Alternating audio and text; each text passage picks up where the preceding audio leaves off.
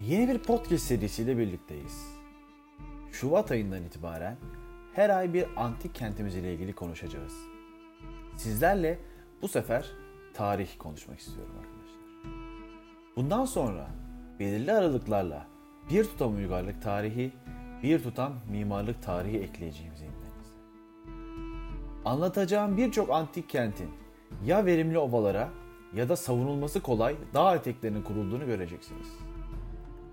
Bir Aydınlı olarak ilk yazımda Tralles antik kentinden bahsetmek istiyorum. Kuzeyinde Aydın Dağları, güneyinde Aydın Ovası, bir yanında Küçük Menderes Nehri, diğer yanında Büyük Menderes Nehri. Verimli ovaları ile kurulduğu dönemden beri halkını refah içinde yaşatan bu altın toprakların öyküsünü anlatacağım. Tralles kenti Yunan Argoslar ile Trakyalı Trallesliler tarafından kuruldu. Tahmini kuruluş yılı da önce 13. yüzyıl civarları. Kurulduğu ilk zamanlar yörenin en büyük şehirlerinden biriydi ve moda bir tabirle adeta bir cazibe merkeziydi.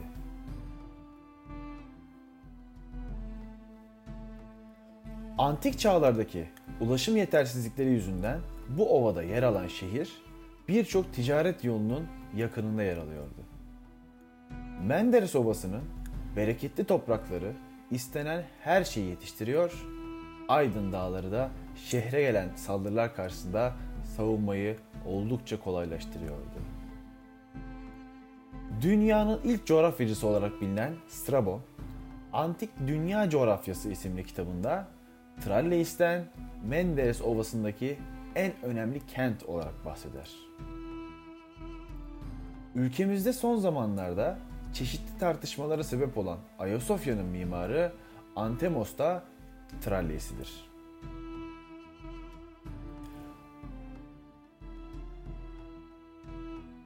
Aydın'da yaşayan halk için bir gurur ve aidiyet hissi veren Üç Gözler adı verilen yapı tamamen günümüze ulaşmış tek yapısıdır. Yapılan incelemeler sonucu milattan önce 3. yüzyıla tarihlenen Cimnazyum kısmındaki tonozlu kalıntı görenlere hayal kurdurtacak kadar görkemlidir. Tralle ise gelenlerin en çok merak ettiği yerlerin başında latrina adı verilen umumi tuvaletler bulunuyor. Yan yana dizilen oturma düzeninin içinden akan temiz su kanalı ve yapılan su tesisatı o dönemde görülmemiş kadar ileri bir teknoloji olduğunu gösteriyor. Yüzyıllar boyunca adından söz ettiren bu yapıların ilk örneği olarak Tralles kenti gösteriliyor. Son zamanlarda Tralles antik kenti için Aydın'a gelecekler hayal kırıklığına uğrayabilir. Çünkü Ocak ayından beri arkeolojik kazılar devam etmekte. Yani 2020 Ocak'tan yani pandemi sürecinin başından beri de bu çalışmalar bitirilemediği için kente ancak uzaktan bir bakıp dönebileceksiniz. Instagram ve Twitter'da Alt F4 Pod hesaplarını ve anlatıcı ben Burak Karaoğlu'nun Instagram'daki BLK KRGN 95 hesabını takip ederseniz çok seviniriz. Bir sonraki bölümde görüşmek üzere.